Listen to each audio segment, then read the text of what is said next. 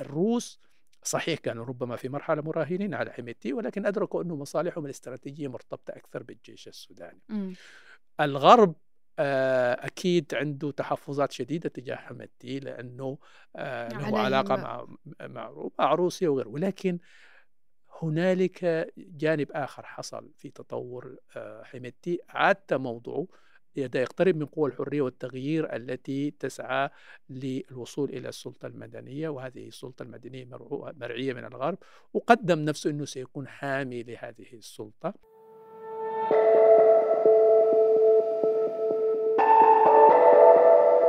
اشتباكات غير مسبوقة تتحول العاصمة السودانية الخرطوم إلى ساحة قتال بين الجيش السوداني وقوات الدعم السريع وترتفع حصيلة القتلى والجرحى مع ارتفاع وتيرة المعارك التي تدور رحاها في البلاد.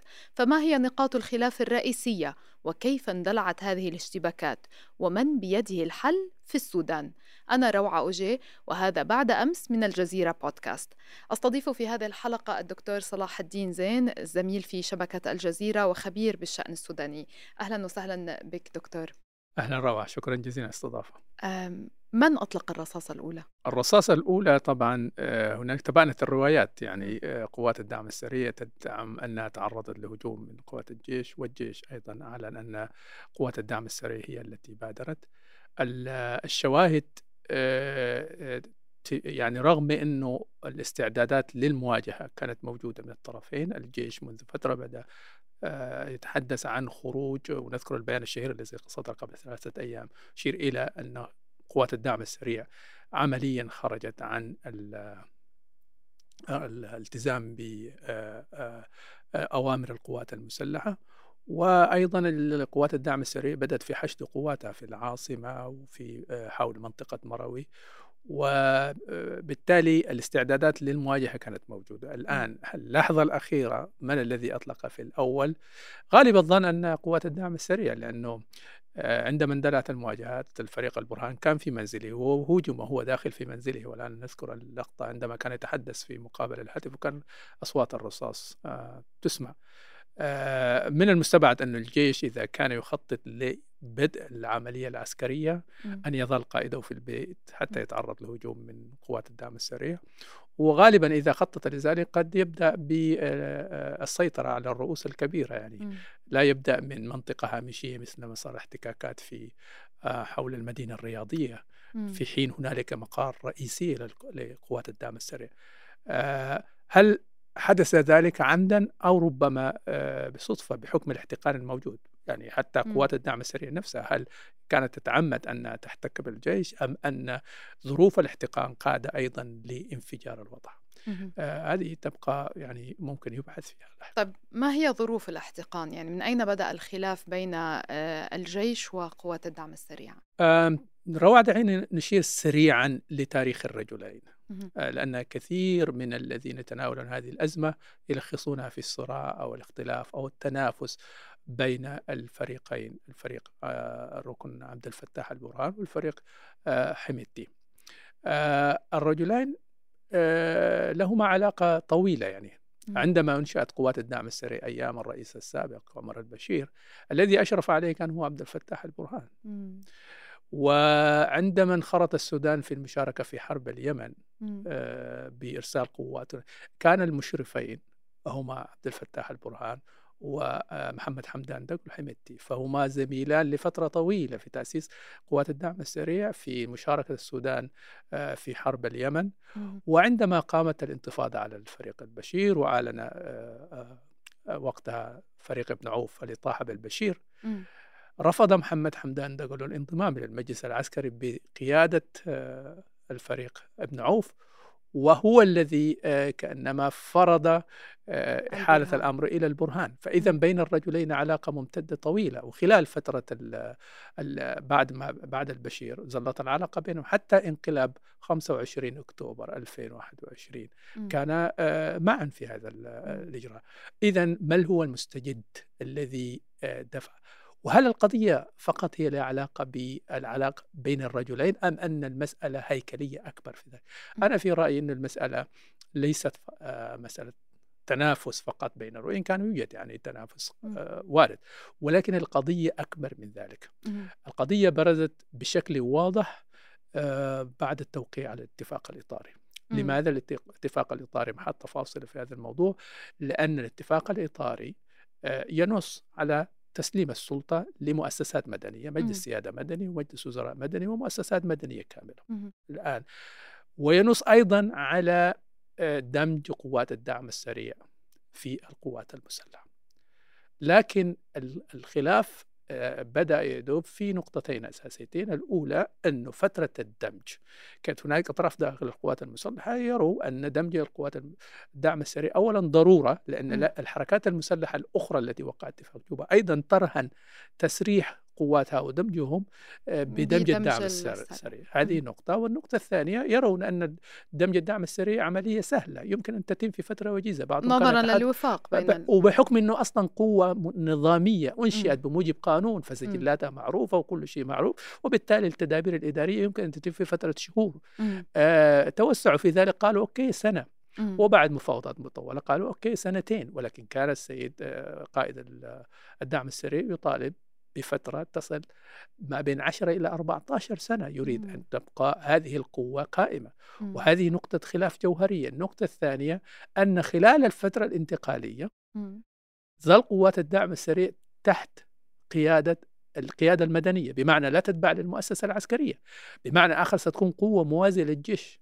أنه يعني آه، آه، رأس الدولة المدني سيكون هو القائد الأعلى للقوات المسلحة والقائد الأعلى لقوات الدعم السريع بمعنى أن يكون هنالك جيشين مم. الآن من هذه اللحظة المؤسسة العسكرية بدأت تحس أن قوات الدعم السريع التي أنشئت بالقانون أيام الرئيس السابق ليكون ذراعا مساعدا للجيش أصبحت تتموضع وتصبح كقوة موازية للجيش مم. وليس ذراعا مساعدا وبدأت تنتشر في عسقاء السودان وتتخذ تحركات عسكرية خارجة عن إمرة الجيش. بالمفاهيم العسكرية مثل هذه التصرفات يعتبر هذا نوع من التمرد. مم. لأنه بتعرف أنه في المؤسسات العسكرية الجيوش دائما تحتفظ بوحدة القيادة والسيطرة. مسألة تحركات لجنود وتحركات لأسلحة وانفتاح على مناطق حساسة مثل ما صار في الأسابيع الماضية مسألة الاقتراب من مطار آه، آه، آه، مرة هذه خلقت الأجواء داخل المؤسسة العسكرية. مم. ومرة أخرى أنا أشدد أنه القضية ليست فقط خلاف بين برهان وحميدتي وإنما المؤسسة العسكرية ترى أن هنالك قوة عسكرية الآن ل- لتكون تحت القوات المسلحة وأصبحت الآن تتمرد عليه. هذا هو اللي دفع القوات المسلحة للضغط على البرهان. اللافت أنه أحد نقاط الخلاف في محاولة الاتفاق الأخيرة في بداية شهر أبريل كان مطالبة حميدتي بتجريم انقلاب الجيش على السلطة المدنية. يعني وهو يتناقض فعليا عما يريده لدور قوات الدعم السريع. آه، كيف يعني كيف نفسر ما كان يصرح به ويطالب به علنا وبين هذه التحركات آه، فعليا آه، بين على الأرض.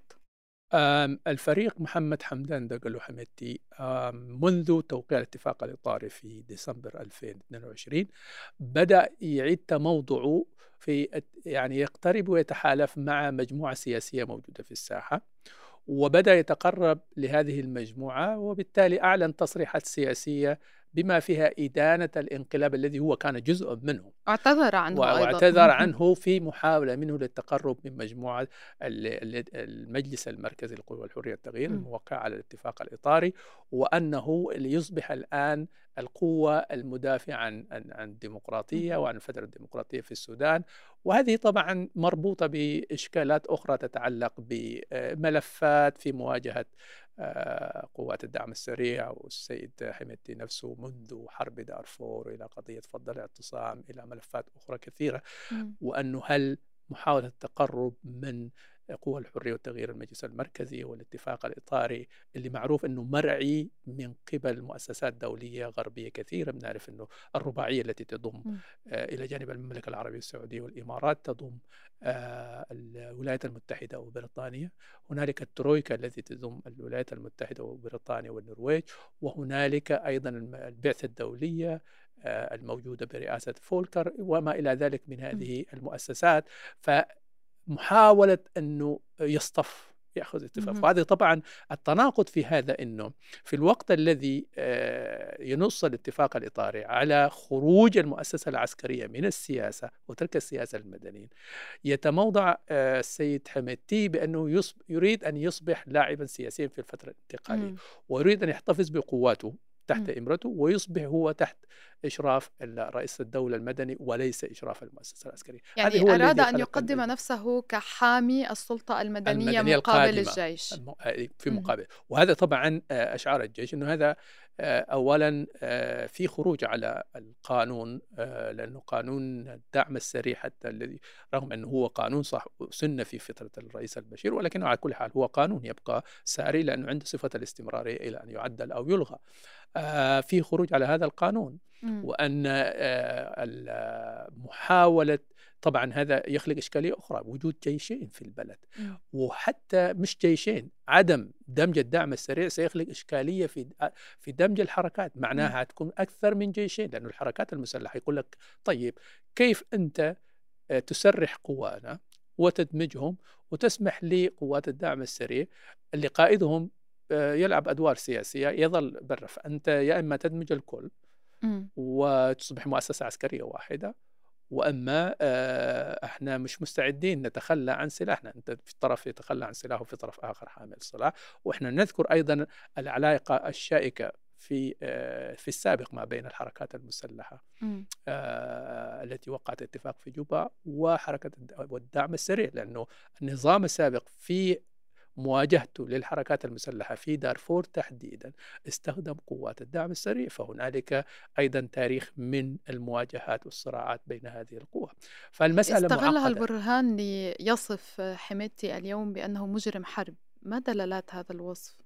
هو طبعا هذا فتح لملفات قديمة لأنه برضو ما ننسى ان حميدتي نفسه سبق ذلك وامس كان يتحدث عن برهان بأنه مجرم وأنه سيعتقله ويقدمه للمحاكمة فهو في رد على آه، ما قاله حميدتي بالأمس. وفي أيضا فتح لملفات آه، يعني قديمة موجودة عالقة والكل يعرف أن هنالك ملفات ظلت عالقة سواء كان في مواجهتهم الاثنين يعني فيما يتعلق بالذات بفترة الصراع في دارفور. طب من ناحية المكونات نتحدث عن قوات دعم سريع لديها آه، ما يقارب مئة ألف عنصر ولدينا الجيش السوداني ما هي موازين القوى بين الاثنين؟ لا هو بكل تأكيد ال ال ال آه، الأفضلية الواضحة هي لصالح قوات آه، القوات المسلحة الجيش السوداني. هذه هي المؤسسة الرسمية الجيش السوداني اللي عمره حوالي 100 سنة. الجيش السوداني اللي بموجب القانون والدستور هو اللي مسؤول عن حماية البلد وحماية طمأنينة المواطنين والأمن القومي وما إلى ذلك وهو من ناحية التسليح أيضا التفوق التسليح النوعي لأن القوات الدعم السريع صح حصل على متحركات سيارات و... و... و... ومدافع وأسلحة خفيفة وجنود عدد كبير هائل من الجنود ولكن تبقى في إطار الأسلحة الخفيفة والمتوسطة الأسلحة الاستراتيجية بيد الجيش يعني. فال... فالأفضلية للجيش ولكن هنالك مشكلة تتعلق بأنه قوات الدعم السريع آه، تموضعت داخل المدن. وهذه المواجهة آه، تتم داخل المدن. وفي انتشار رغوة جغرافية هذه غير مسبوقة. يعني في لحظة واحدة للأسف هذه الحرب أن آه، كل مدن السودان الرئيسية تقريبا كل مدن السودان من أقصى شرق السودان في بور السودان إلى أقصى غرب السودان في الجنينة من أقصى الشمال في مروي إلى أقصى الجنوب في النيل الأزرق مرورا بالعاصمة. كل المدن الرئيسية لماذا؟ لأنه كل المدن الرئيسية فيها فيها مراكز للجيش فيها مراكز للدعم السريع. عندما بذلك ربما يحاول أن يحولها إلى حرب شوارع وعدد هذا هذه استراتيجية ربما الدعم السريع. وأنا أريد أن أشير إلى أنه هذا اللي يبطئ لأنه الجيش آه، أيضا يعني آه، عند استخدامه للأسلحة الثقيلة سيكون حذرا لأن م. الخسائر في الأرواح وفي الممتلكات ثقيلة. ستكون ثقيلة وهذا بالت... يعني أنت مثلا لا تستخدم آه، رغم أن الجيش يمتلك الدبابات م. يمتلك الطائرات لكن استخدامها سيكون بحذر وحدود ضيقة جدا في داخل المدن. هذا غير لو كانت الاشتباكات مثلا في مناطق أنا طبعا لست خبيرا عسكريا ولكن بالضرورة معروف. يعني إذا كانت اشتباكات مثل ما كانت تحدث مع الحركات المسلحة في مناطق ريفية في مناطق خلوية تستخدم فيها كل أنواع الأسلحة. ولكن داخل المدن لا يمكن يعني على المستوى كل الأسر البارحة الأسر السودانية كانت تعيش حالة من الرعب. آه، أطفال خرجوا الصباح للمدارس فعلقوا في المدارس لأن الشوارع بعد ذلك دارت معارك في الشوارع. في داخل الأسر المنازل كان الناس يدخلون أطفالهم تحت الأسرة يحتفظوا مثل القطط كانوا يعني في كثير من مدن السودان. توقفت الحياة تماما لأن الصراعات كانت تدور يعني في كل الشوارع الرئيسية مطاردات وفي قصف وكذا. وبالتالي هذه معركة رغم التفوق النوعي الباين للجيش إلا أن إدارتها داخل المدن يجعل من الصعوبة استخدام هذا التفوق النوعي وبالتالي قد يطيل أمد الاشتباكات نسبيا. آه، طبعا في في ستيل الجيش عنده قدرة لأنه الآن ماذا فعل الجيش؟ ركز على تحييد المقار الرئيسية للقوات الدعم السريع بمعنى أنه فقدان السيطرة، السيطرة تتم من المقار الرئيسية قصفت أو سيطر عليها وقطع خطوط والإمدادات. الامداد والامدادات وبالتالي بمرور الوقت يومين ثلاثة تصبح القوات وإن كانت تقاتل ولكن بعد شوي ستنقطع الإمدادات سواء كان من الذخيرة والطعام أو ما إلى ذلك وستفقد التواصل مع القيادة وبالتالي تصبح مجموعات آه، آه، متفرقة يسهل السيطرة عليها. ربما هذه هي استراتيجية الجيش في التعامل حاليا مع الوضع. طب على من يتكل حميدتي في هذه المعركة؟ من يدعمه؟ كما ذكرنا قبل قليل أنه آه، أكثر الحلفاء قربا من حميدتي خلال الفترة آه، الانتقالية خلينا نقول الثلاث سنوات الأولى كان هو الفريق البرهان نفسه. م. صحيح لا نستطيع أن نقول الجيش كجيش لأن الجيش كمؤسسة كانت هنالك حساسيات تجاه قوات الدعم السريع. وحتى أيام الرئيس السابق عمر البشير عندما حاول أن يدمج قوات الدعم السريع في الجيش كانت هنالك مقاومة من الجيش. ولذلك أبقاها كقوة ولكن أوجد في القانون أنها تحت إمرة القوات المسلحة.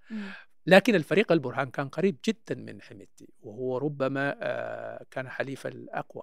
طبعا حميدتي أيضا كان لديه صلات بقوة إقليمية وحتى دولية. إحنا بنعرف أنه آه صلاته بروسيا مثلا كان آه وعلاقاته بقوات مثل فاغنر اللي آه تشترك معه في بعض مناطق استخراج الذهب سواء كان في في مناطق غرب السودان تحديدا. كانت له صلات مع بعض الأطراف الإقليمية. لديه استثمارات في دولة جارة إلى الشرق من السودان. لديه علاقة مع دولة كانت محمية بقوات الفاغنر سلطتها وأقصد بذلك أفريقيا الوسطى فهو لديه بعض الامتدادات يعني سواء كان في الخليج مع الإمارات أو ما إلى ذلك. لكن نتيجة المتغيرات التي آه، أنا في تقديري حرب انعكاسات آه، الحرب الروسية على أوكرانيا آه، أثرت على طبيعة هذه التحالفات من ناحية يعني زادت الأهمية الاستراتيجية بالنسبة للسودان لدى الأطراف الدولية المتصارعة. يعني السودان بلد مهم والسودان دولة كبيرة جغرافيا ثالث أكبر دولة في أفريقيا هذا بعد انفصال الجنوب قبل انفصال الجنوب كانت الدولة الأولى. لديه حدود مع سبع دول أفريقية. لديه يعتبر بوابة لأمن البحر الأحمر بوابة لأمن منطقة القرن الأفريقي. بلد غني بثروات آه، المعدنية والطبيعية والزراعية. بلد بهذه الأهمية في ظل الصراع والتنافس الدولي الآن قطعا ستسيل لعاب القوى الكبرى تريد خصوصا أن هذا البلد يمر بمرحلة إعادة تشكل لحكمه فالكل يريد أن يساهم في صياغة مستقبل هذا البلد بما يخدم مصالحه الاستراتيجية. ولذلك الغرب أقبل بشدة على السودان وأيضا روسيا. ما ما ننسى أنه قبل يمكن شهرين تقريبا وزير الخارجية الروسي جاء زيارة للسودان تزامن مع وجود مندوبين لدو ستة مندوبين مبعوثين لدول أوروبية كانوا موجودين في السودان. فالكل يريد. هنا بدأت تتغير. الروس صحيح كانوا ربما في مرحلة مراهنين على حميتي ولكن أدركوا أنه مصالحهم الاستراتيجية مرتبطة أكثر بالجيش السوداني. الغرب آه، أكيد عنده تحفظات شديدة تجاه حمدتي لأنه آه، له عليه علاقة م مع مع مع روسيا وغيره. ولكن هنالك جانب آخر حصل في تطور آه، حميدتي عاد موضوعه يقترب من قوى الحرية والتغيير التي تسعى للوصول إلى السلطة المدنية وهذه السلطة المدنية مرعية من الغرب وقدم نفسه أنه سيكون حامي لهذه السلطة. أعتقد هذا ربما فتح له باب آه، للتقارب مع بعض الأطراف الغربية. ولكن طبعا بحذر لأنه الكل أيضا يكون حذر في أنه هذه تبقى ميليشيا وأن المؤسسة العسكرية الرسمية يعني ولكن هل اقتنعت فيه الحركات المدنية وهي يعني قوات الدعم السريع؟ هي من فضة آه، اعتصام القيادة العامة. إلى أي مدى يعني التفت الحركات المدنية حول حميتي؟ ومن يقف مع حميتي ومن يقف مع الجيش اليوم؟ فيما يتعلق بحمايتي آه، اللافت كان أنه القوى المدنية بدأت تسكت عن ملف آه، فض الاعتصام فض الاعتصام. يعني كان لافت جدا أنه فض الذكرى السنوية لفض الاعتصام هذه السنة لم يشهد أي تحركات أو إحياء. مما يشي بأن مسألة التقارب بالذات مع حميتي ومحاولة الوصول لتحريك الاتفاق الإطاري جاء على حساب ملفات حقوقية إمم. وانتهاكات وغيرها ما إلى ذلك. فالقوة المدنية آه، ربما بنظرة انتهازية الكل يفكر يعني مثلا القوى المدنية ربما مش أنا مش كل القوى أنا أقصد مجموعة آه، لأنه في أطراف أخرى تعارض هذا التوجه. القوى الممثلة في آه، مجموعة الاتفاق الإطاري ربما تفكر بانتهازية أن تستخدم حميتي في هذه المرحلة آه للوصول إلى السلطة وأن يكون أداتهم التنفيذية. طبعا تناقضات السياسة أنه يعني يعني إحنا بنعرف إنه العسكريين الذين أوصلتهم أحزاب سياسية إلى السلطة انقلبوا عليها مم. يعني الحركة الإسلامية السودانية وهي حركة مؤسسة قوية جدا مم. أوصلت عمر البشير إلى السلطة ولكن ماذا حدث؟ في 99 2000 انقلب عمر البشير على الحركة مم. الإسلامية وسجن قادتها وأبعدهم من السلطة قبل ذلك ألم يأتي الحزب الشيوعي والقوميون العرب بالنميري إلى السلطة مم. وانقلب عليهم النميري فإذا كان أنت عندما تأتي بأي عسكري للسلطة ينقلب عليك مم. فما بالك إذا كان هذا العسكري يشعر أنه هو الذي أتى بك للسلطة بمعنى مم. الرهان على حميدتي في مخاطرة حتى بالنسبة لبعض القوى المدنية التي تراهن عليه لأنه حميدتي قد يشعر إذا وصلهم إلى السلطة أنه هو الذي أتى بهم للسلطة. وهنا المخاطرة أكثر يعني آه، ولذلك أنا أظن أن العلاقة هي فيها آه، انتهازية من الجانبين. الكل يريد أن يستخدم الآخر ربما حميدتي أجندته أنه يتقرب إلى الغرب من خلال تصادقه مع قوة مدنية ليبرالية آه، تسعى لتأسيس دولة مدنية. ويقدم نفسه أنه حامي حمى الديمقراطية في السودان. نظرة انتهازية والقوة هذه ربما أيضا ترى أنه في هذه المرحلة تحتاج إلى زراع عسكري تتقوى به في مواجهة المؤسسة العسكرية الأخرى التي لا تضمن ولاءها 100% له طب من يقف مع البرهان اليوم؟ إذا نتحدث البرهان الآن ينظر إليه هو قائد الجيش م. والجيش هي المؤسسة العسكرية الوطنية في السودان م. وعندما كل الدول والمجتمعات تمر بمراحل فيها قلق على مستقبل البلد وخوف على أمنها القومي ومخاوف بالذات مثل في الحالة السودانية خوف من حروب أهلية وتشظي في ظل وجود جماعات مسلحة في ظل وجود مطامع آه، إقليمية. ما ننسى أنه في أراضي سودانية محتلة من بعض الدول الجيران وما زال محل نزاع. في ظل وجود مطامع دولية في وجود وجود تدخل دولي كثيف في الشأن الداخلي في مثل هذه الظروف الشعوب دائما تلتف حول قواتها المسلحة والقوات المسلحة السودانية. للأمانة آه، هنالك فروق في سلوكها كقوات كمؤسسة مقابل ربما آه، جيوش أخرى في المنطقة.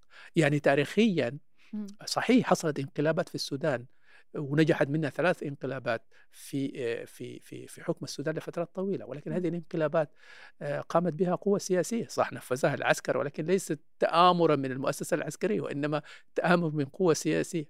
وقامت انتفاضات وفي كل الانتفاضات انحاز العسكر للشعب المنتفض. بل في أيام سور الذهب أوفى الجيش بما وعد به أقام الانتخابات في المدة وسلم الجيش. بمعنى أن الشعب السوداني نظرته للجيش وعلاقته مع الجيش بالإضافة لأنه هذه هي المؤسسة الضامنة لأمنها القومي أيضا هنالك تاريخ إيجابي في التعامل مع. تطلعات هذا لا يمنع أن هنالك ربما جنرال جنرالين هنا وهناك لهم طموح في السلطة ولهم آه، تطلعات أنهم يحكموا هذا وارد ولكن سلوك المؤسسة العسكرية بالمجمل آه، في النظرة السودانية سلوك وطني. هنالك سلوك وطني وانحياز مستمر لصالح الشعب السوداني وهذا يعزز من إنه الشعب السوداني بيلتف إحنا حت- حتى في هذه ال- ال- اللحظة يعني ال- ال- التكييف للصراع اللي قائم مم. آه، وهذا يتطرق لقضية الوساطات والدعوات التي تنطلق من قوى داخل السودان من قوى خارج السودان بضرورة العودة إلى الحوار ووقف الاقتتال وضرورة تحكيم صوت العقل والوفاق بين الرجلين في تقديري أن هذه الدعوات.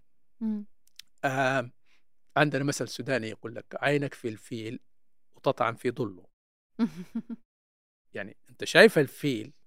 ولكن لأنك خايف لأنك آه تهتم بالصغائر فتروح بدل ما تطعن في الفيل تطعن في ظله.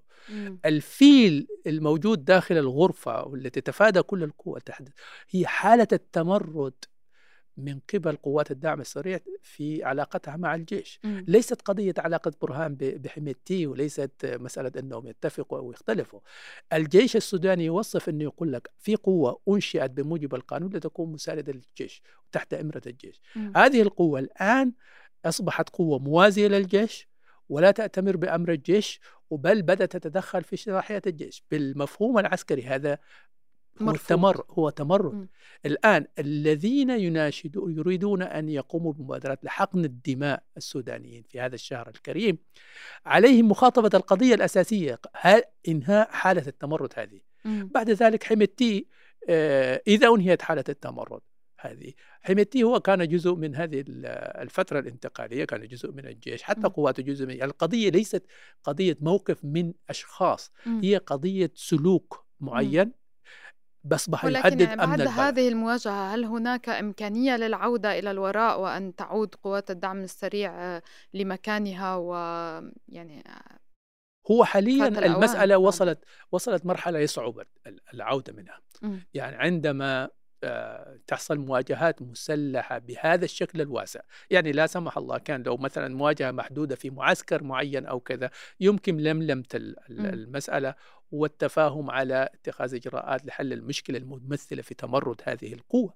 مم. لكن عندما تكون بنطاق شامل.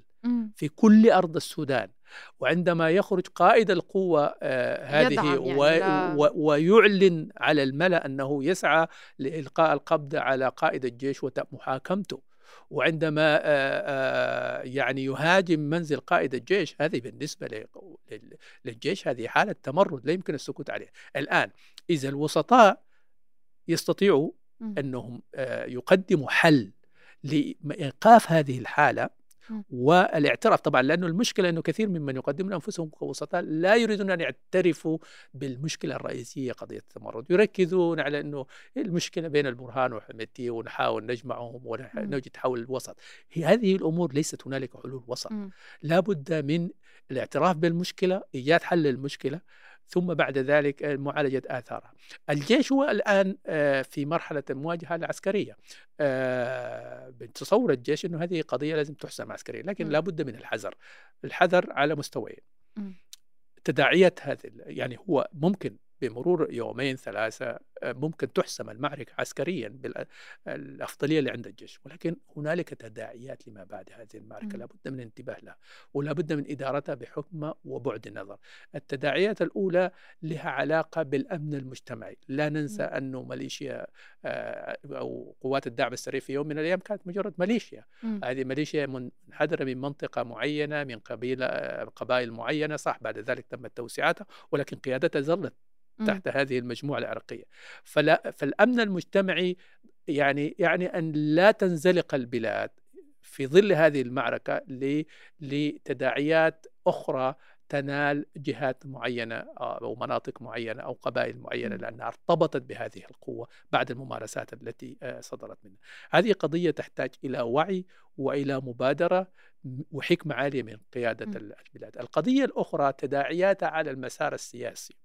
يعني أيضا إدارة الملف السياسي بعد اليوم قطعا لن تكون كما كانت في السابق والسابق كان البرهان آه، يديرها بطريقته يعني آه، التي قد لا ترضي الجيش كثيرا ولكن بعد هذا الموقف نتصور أن الجيش سيكون عنده يد طولة في إدارة الملف. الآن كيف ستدير بحيث أنك تحافظ على مناخ الحريات التي تحققت؟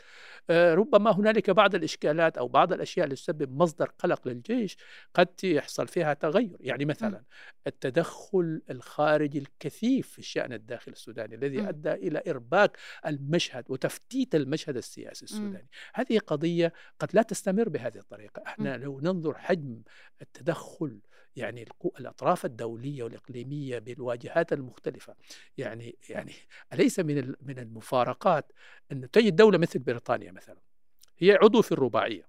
وفي الترويكا. وعضو في الترويكا. وهي أيضا من وراء البعثة يعني ما ننسى أنه موضوع البعثة الدولية اللي يقودها فولكر هذه كان بريطانيا من وراء. فدولة واحدة تأتيك من كل الأبواب وتتدخل في الشأن السوداني بطريقة يعني كثيفة جدا. هذه مسألة مزعجة جدا بالنسبة للقوات. لا أتصور أن بعد هذه المعركة ستستمر هذه الأمور بهذه الكيفية. آه لكن يعني ولذلك ينظر إلى مرحلة ما بعد هذه المعركة في أن قيادة الجيش أمام تحدي أن تدير هذا تدير هذا الملف اللي يتعلق بإدارة العملية السياسية في المرحلة الانتقالية وتدير تداعيات هذه المعركة حتى لا تتحول لا سمح الله إلى اشتباكات و... و... وحرب طويلة. وحرب طويلة وتداعيات آه، في مناطق مختلفة يعني من من السودان. فهي قضية معقدة آه، لن تكون يعني الطريق مفروشة يعني ممكن الجيش ينتصر هو وارد جدا أنه ينتصر في هذه المواجهة العسكرية ولكن بعد ذلك التحدي سيكون أكبر. تحتاج إلى إدارة ذات حنكة ورؤية و يعني برأيك الجيش هو الآن من يملك الحل للسودان؟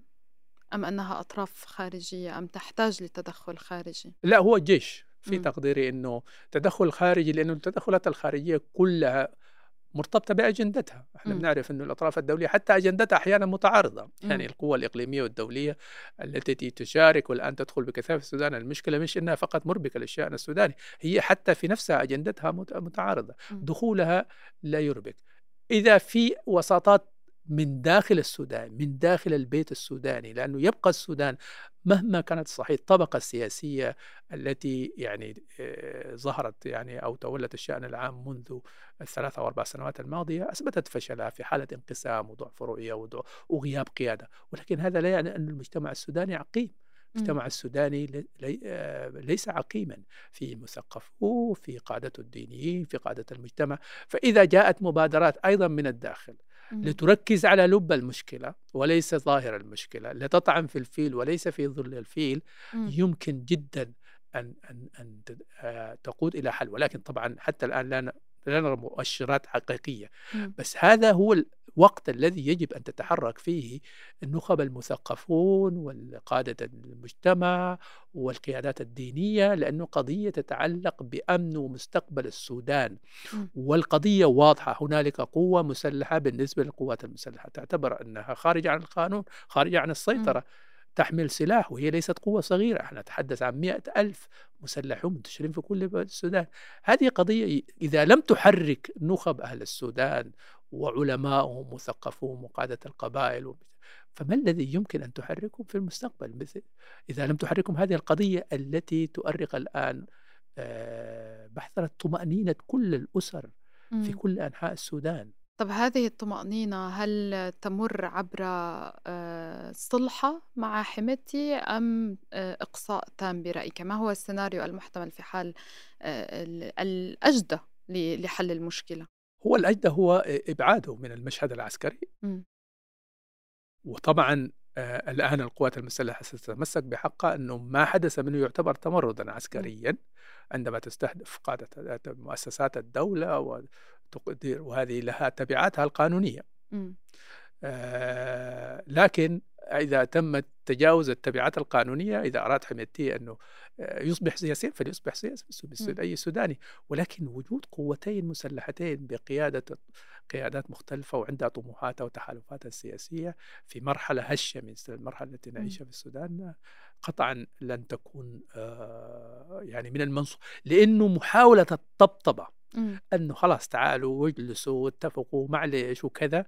هذا فقط تأجيل المسألة اللي تنفجر مرة أخرى. إمم.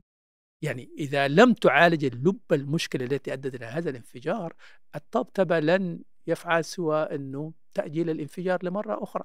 إمم. ولا سمح الله إذا تم ذلك ربما ينفجر المرة القادمة في ظرف يكون أسوأ من هذا إمم. الظرف. وبالتالي لابد من معالجة أصل المشكلة طعن في الفيل بدل في ظله. في ظله. حفظته للمثل شكرا لك صلاح الدين زين الزميل في شبكة الجزيرة والخبير في الشأن السوداني.